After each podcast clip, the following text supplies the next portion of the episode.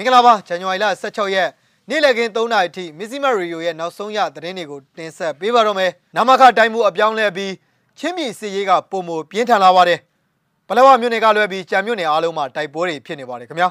။မြိုင်မြို့နယ်ကလက်ရက်မရွာသား3ယောက်ကိုတော့စစ်တပ်ကတပ်ဖြတ်ပြီးမိရှို့ထားခဲ့ပါတယ်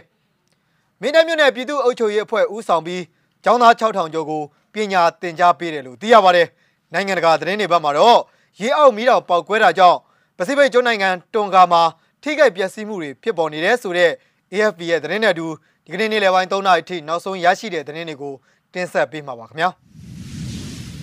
ပထမဆုံးသတင်းတစ်ပုဒ်အနေနဲ့အနောက်မြောက်တိုင်းစစ်ဌာနချုပ်နမခတိုင်းမှုအပြောင်းလဲပြီးချင်းပြည်နယ်မှာ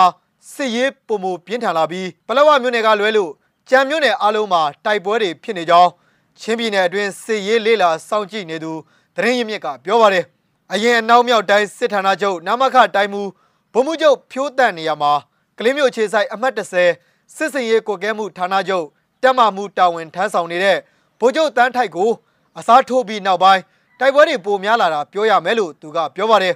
စစ်တပ်ကအင်အားအများပြဖြစ်တဲ့ကဇန်နဝါရီလအစပိုင်းကစပြီးချင်းပြည်နယ်တွင်ထိုးစစ်ဆင်လာတာဖြစ်ပြီးလက်ရှိတိုက်ပွဲတွေမှာလေကြောင်းမှာပြစ်ကူပေးနေတာဖြစ်ပါတယ်ခင်ဗျာချင်းပြည်နယ်ထဲမှာတိုက်ပွဲမရှိတာအာနာသိမ့်ပြီးနောက်ပိုင်းပလောဝမျိုးဖြစ်နေတယ် ကျန်တဲ့မြို့တိုင်းဒီပါကနေတိုင်းလိုလိုတိုက်ပွဲတွေဖြစ်နေပါတယ်အခုဆိုရင်ကလေးဘက်ချမ်းကနေကလေးတိုင်းငင်တီးတိမ်ဘက်ချမ်းကို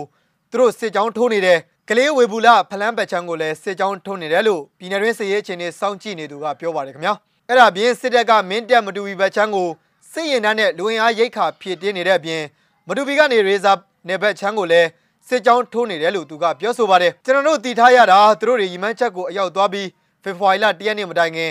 ချင်းပြည်နယ်တစ်ခုလုံးကိုတပြိုင်နက်တည်းတိုက်မယ်လို့တည်ထားရတယ်လို့သူကပြောပါတယ်အရင်တော့ကချင်းပြည်နယ်တွင်နယ်မြေအဆိုးဆုံးတိုက်ပွဲအများဆုံးနဲ့စစ်ဘေးရှောင်အများဆုံးရှိတဲ့ပလောဝမြို့ကအခုခါမှာတော့စစ်အစိုးရရဲ့ထင်းကျုံနိုင်တဲ့တခုတည်းသောမြို့ဖြစ်နေပါတယ်ပလောဝမြို့နယ်မှာ2020ပြည့်နှစ်ဧပြီလအတွင်းရခိုင်တပ်တော် AA နဲ့စစ်ကောင်စီတပ်တို့တိုက်ပွဲဖြစ်ပွားမှုတွေကြောင့်ခြေရွာ22ရွာကဒေသခံဥယျာဉ်9000ကျော်စစ်ဘေးရှောင်ခဲ့ကြရပြီးတမ17တမမှုကိုယ်တိုင်ပ လောဝမြို့မှာလာရောက်အထိုင်ချခဲ့ကြောင်းမြို့ကန်တို့ကပြောပါတယ်အရင်ကတိုက်ပွဲဖြစ်တယ်ဆိုတာကလည်း AA နဲ့တပ်တွေပဲဖြစ်တာလေအခု AA ကလည်းမတိုက်တော့နယ်မြေတင်းငိမ့်နေဒါကြောင့်လဲ85နှစ်မြောက်စရတုပြည်တော်စုနဲ့အခမ်းအနားကိုအကအဖွဲ့တွေအားလုံးချင်းကိုစားပြုဆိုပြီးပလောဝမြို့နယ်ကပဲခေါ်ကြတယ်လို့သိရပါတယ်အခုဆိုရင်အကတွေတောင်တိုက်နေကြတယ်လို့ပလောဝဒေတာခန်ကပြောပါတယ်လက်ရှိစစ်ကောင်စီနောက်လိုက်ချင်းပြည်နယ်အဖွဲ့ထဲမှာပလောဝမြို့နယ်ဒေတာခန် တဘာဝပတ်ဝန်းကျင်ထိန်းသိမ်းရေးနဲ့တယံဇာတဝင်ကြီးဦးကျော်ငိမ့်နဲ့တိုင်းသားရေးရဝင်ကြီးရခိုင်လူမျိုးဦးစိန်ထွန်းလာတို့နှစ်ဦးတာဝန်ထမ်းဆောင်လျက်ရှိနေပါတယ်ခင်ဗျာ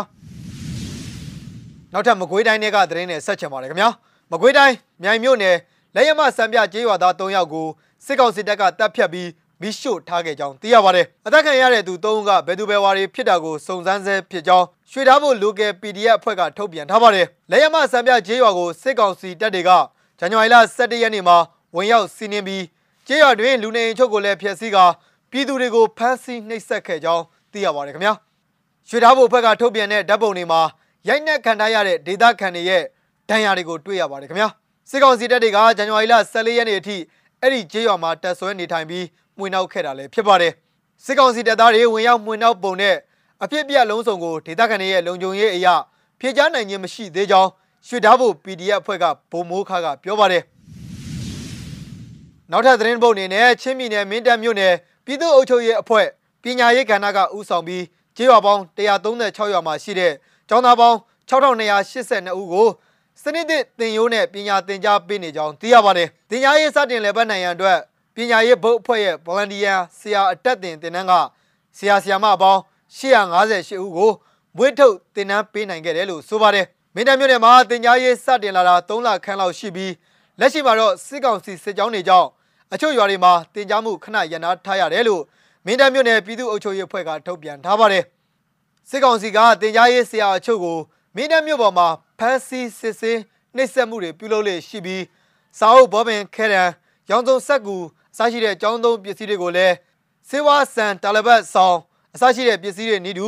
တက်ဆောင်ခွင့်မပြုဘဲစစ်ဆေးရေးဂိတ်တွေမှာပိတ်ပင်ဖျက်ဆီးနေကြောင်းသိရပါတယ်ခင်ဗျာဒီကနေ့နေ့လယ်ပိုင်းရဲ့နောက်ဆုံးသတင်းတစ်ပုဒ်အနေနဲ့နိုင်ငံတကာသတင်းတွေဘက်မှာတော့ရေအောင်မီးတောင်ပေါက်ကွဲတာကြောင့် Pacific ကျွန်းနိုင်ငံတွန်ကာမှာထိခိုက်ပျက်စီးမှုတွေဖြစ်ပေါ်နေတယ်ဆိုတော့ AFP ရဲ့သတင်းတစ်ပုဒ်ကိုလည်းဆက်လက်ပြီးတော့တင်ဆက်ပေးချင်ပါတယ်ခင်ဗျာပစိဖိတ်သမုဒ္ဒရာတောင်ပိုင်းကျွန်းနိုင်ငံငယ်တစ်ခုဖြစ်တဲ့